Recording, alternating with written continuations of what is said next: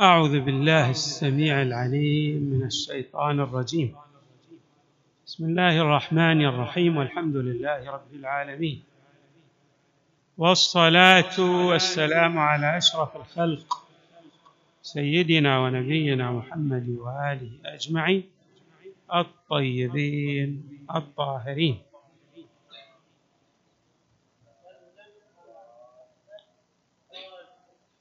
من كلام لمولانا أمير المؤمنين عليه السلام قال أيها الناس اعلموا أنه ليس بعاقل من انزعج من قول الزور فيه من قول الزور فيه ولا بحكيم من رضي بثناء الجاهل عليه.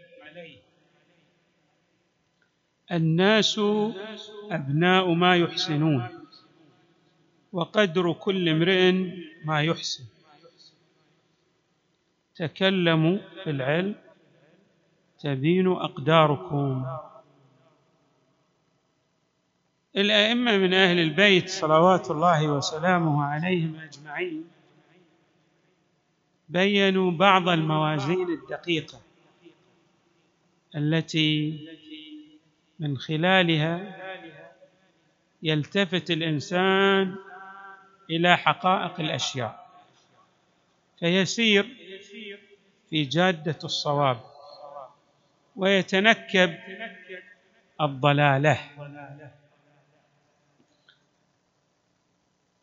من هذا القبيل ما ورد أيضا عن إمامنا الكاظم عليه السلام في وصية طويلة لهشام بن الحكم.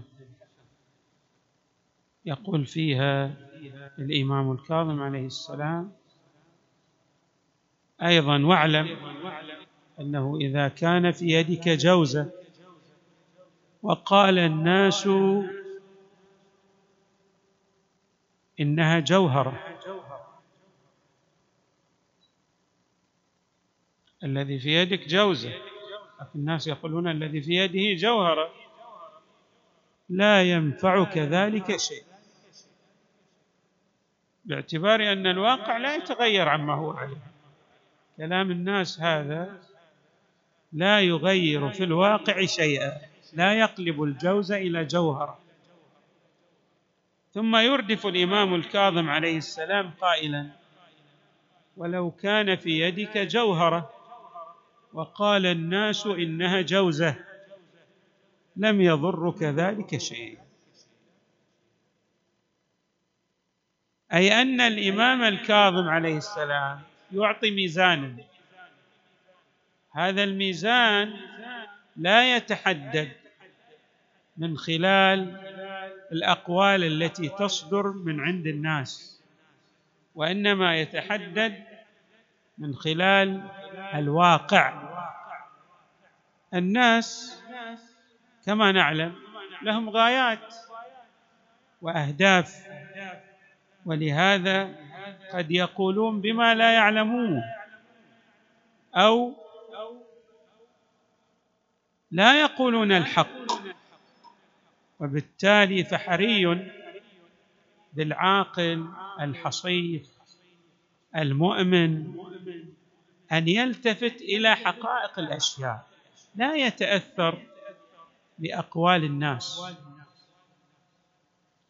من هذا القبيل أيضا ما ورد عن علي عليه السلام أنه جاءه شخص بعد انتهاء معركة الجمل أو قبل فقال يا علي أتظن أني أرى أن طلحة والزبير على باطل؟ إحنا نعرف طبعا الزبير الإمام أمير المؤمنين مدحه حتى بعد قتله حمل الإمام عليه السلام سيفه وقال سيف طالما جل جل الكرب عن وجه رسول الله. يعني كان من المجاهدين شخصيات لامعه ولكن فيما بعد نعم تنكب جادة الصواب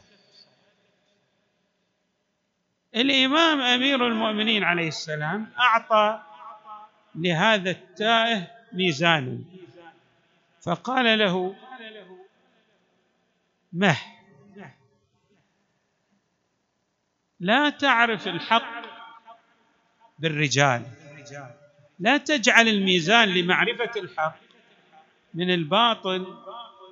أن فلانا مثلا في هذه الجهة وبالتالي ستميل الكفة من خلال موقع فلان الشخصية المرموقة عنده.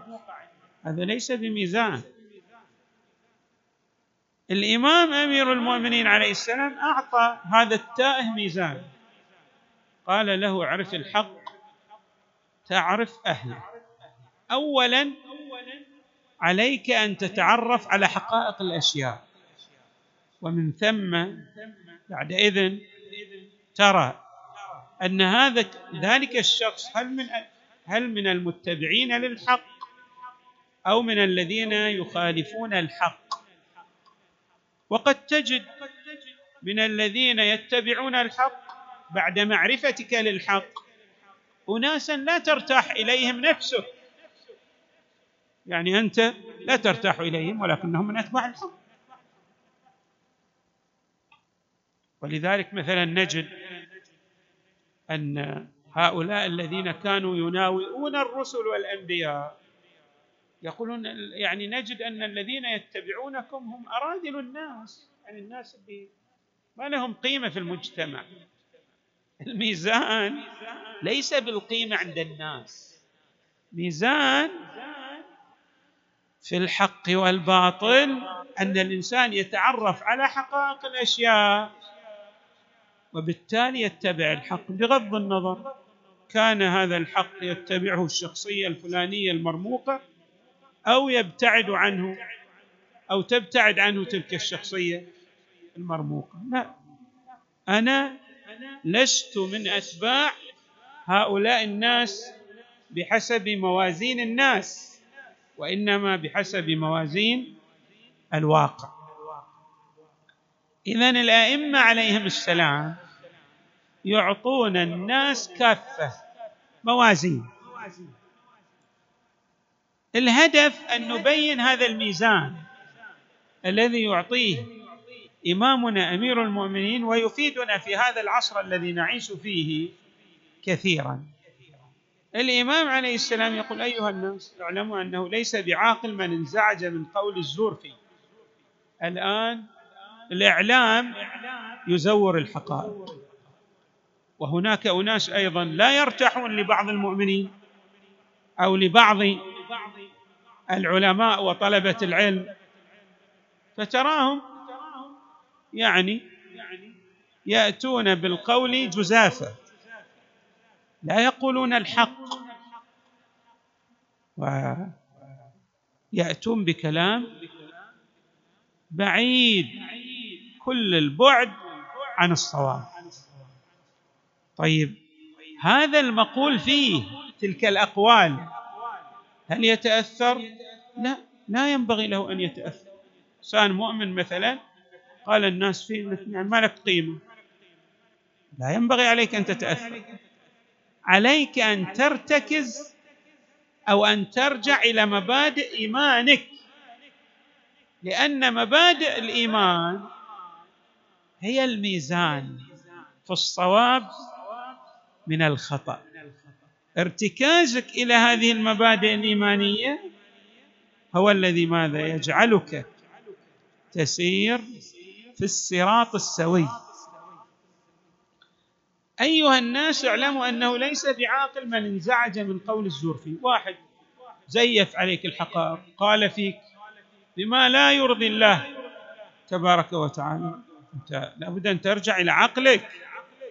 ما لهذه الأقوال من قيمة؟ قال ما قال؟ لن يضرك قوله شيء. وحتى لو أثر عليك تأثيره قليل. يعني ما له قيمة. اصطلاحا ما له قيمة. وإذا كان له تأثير تأثيره بسيط جدا. قد يؤثر عليك مثلا في أنك لا تصل إلى جاه أو إلى مقام أو لا تحصل على مال كل هذه أمور راح ينتهي أمدها. وبالتالي لن يؤثر عليك في عالم الواقع شيئا. فإذا ارجع إلى عقلك وضع الأمور في نصابها السليم حسب الموازين العقلية فأقوال الزور فيك لن تؤثر في الواقع شيئا لأنك ترتكز إلى مبادئ إيمانك.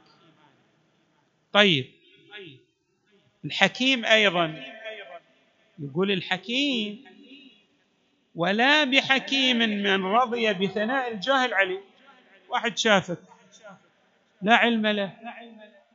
ما يمتلك مقومات ومدحك ذاك المدح. أوصلك إلى الثريا. هل ينبغي أن مثلا تشمخ بأنفك؟ ترتاح لتلك الأقوال العظيمة اللي قال فيك وقال فيك وأنت سواك شنو؟ تتلو المعصومين في الدرجة مباشرة. كل كلام هذا لا يغير في الواقع شيئا. إذا كنت حكيما حكيم الذي يضع الأمور في نصابها السليم. كل أمر سليم صحيح تضعه في موقعه المناسب له هذه الحكمة. وضع الأمور في نصابها. طيب ذاك مدحك ذاك كان لك. كان لك من المدح. ما لا ما لا يقال في بعض في بعض الجلسات إحنا نجلس. شوف يجي واحد يعني مثلا آه، يعرف مثلا بعض الكلمات المنمقة. فيأتي بكلام عجيب وغريب مثلا في شخصيات. ما ينبغي أن تقال هذه الكلمات إلا في المعصوم عليه السلام. ولكنها يقول في شخص وإن كان مؤمن لكن لا ينبغي أن يقال فيه تلك الكلمات لأن هذه الكلمات لها موازين. فلما تقول الكلام الذي يقال في الأنبياء والرسل في غير موضعه هذا خطأ في القول. ويضاد الحكمة لأن الحكمة كما قلنا وضع الأمور في مواضعها. مثلا لو تقول من مثلا شخص تريد أن تمدحه وهو مؤمن مثلا تقول هذا هذا المؤمن ما شاء الله عليه لا يخطئ أصلا. صدق أنت جاي تمدحه مثل ما نقول بس لا يخطئ إيش معنى؟ لا يخطئ هذا المعصوم الذي لا يخطئ لا يقال في مدح هذا المؤمن إنه لا يخطئ لا لابد أن يخطئ حتى وأن وصل إلى درجات عالية من الإيمان لا يستطيع أن يعني يكون في الموازين التي عليها الرسل والأنبياء لأن أولئك لهم تسديد خاص من عند الله تبارك وتعالى وبالتالي لا يخطئون لذلك التسديد. كما يعني أيضا يشرح الإمام أمير المؤمنين هذا المعنى الدقيق في حق خاتم الأنبياء والرسل محمد صلى الله عليه وسلم. عندما يقول ولقد قرن الله به ملكا من أعظم ملائكته منذ أن كان فطيما.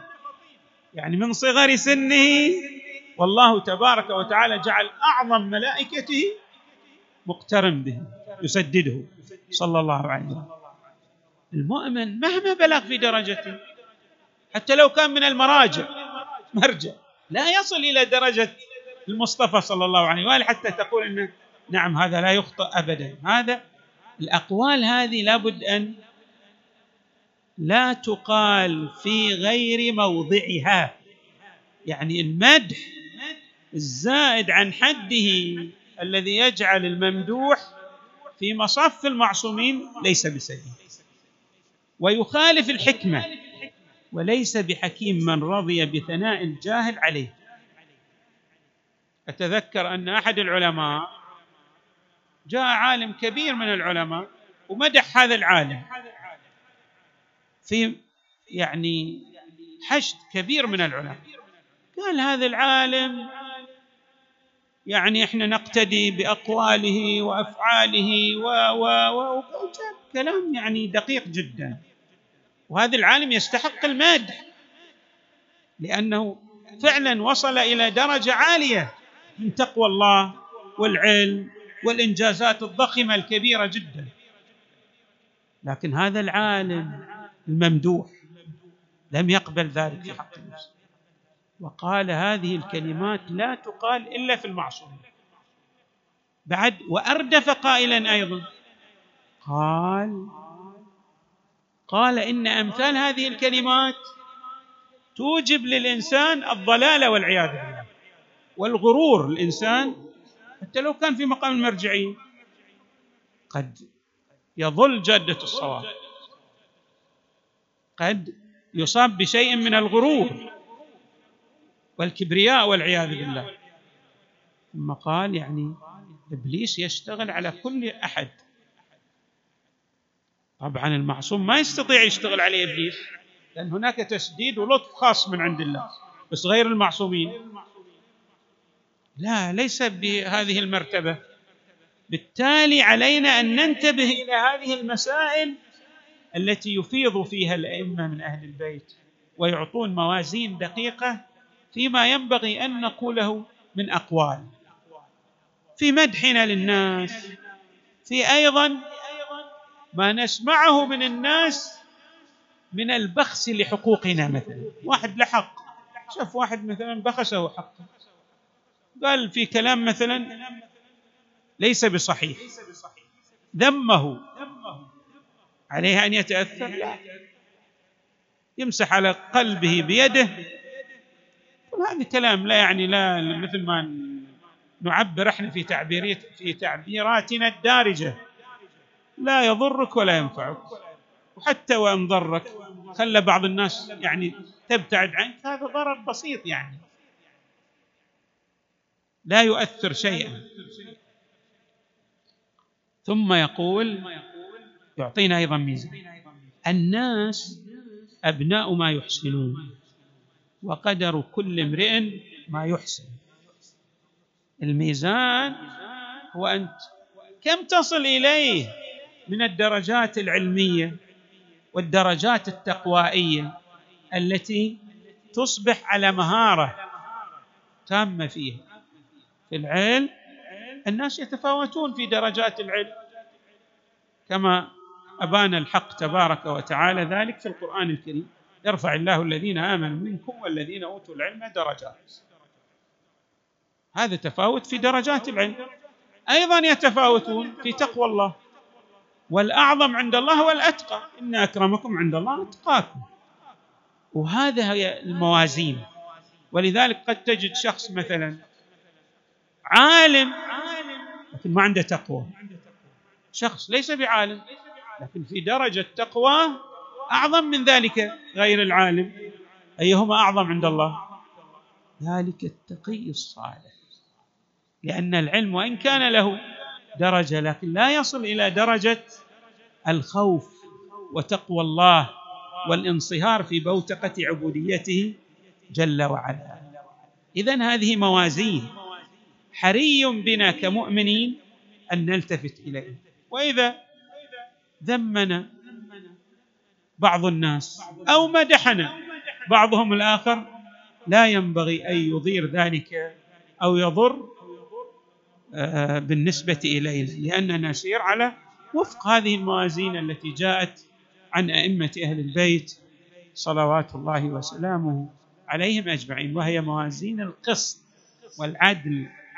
في الأمور المعنوية التي ينبغي للعاقل الحصيف في رأيه المؤمن في سلوكه أن يأخذ بها في اتجاهاته الإيمانية والعملية أيضا في حياته. والحمد لله رب العالمين صلى الله وسلم وزاد وبارك على سيدنا ونبينا محمد وآله أجمعين الطيبين الطاهرين.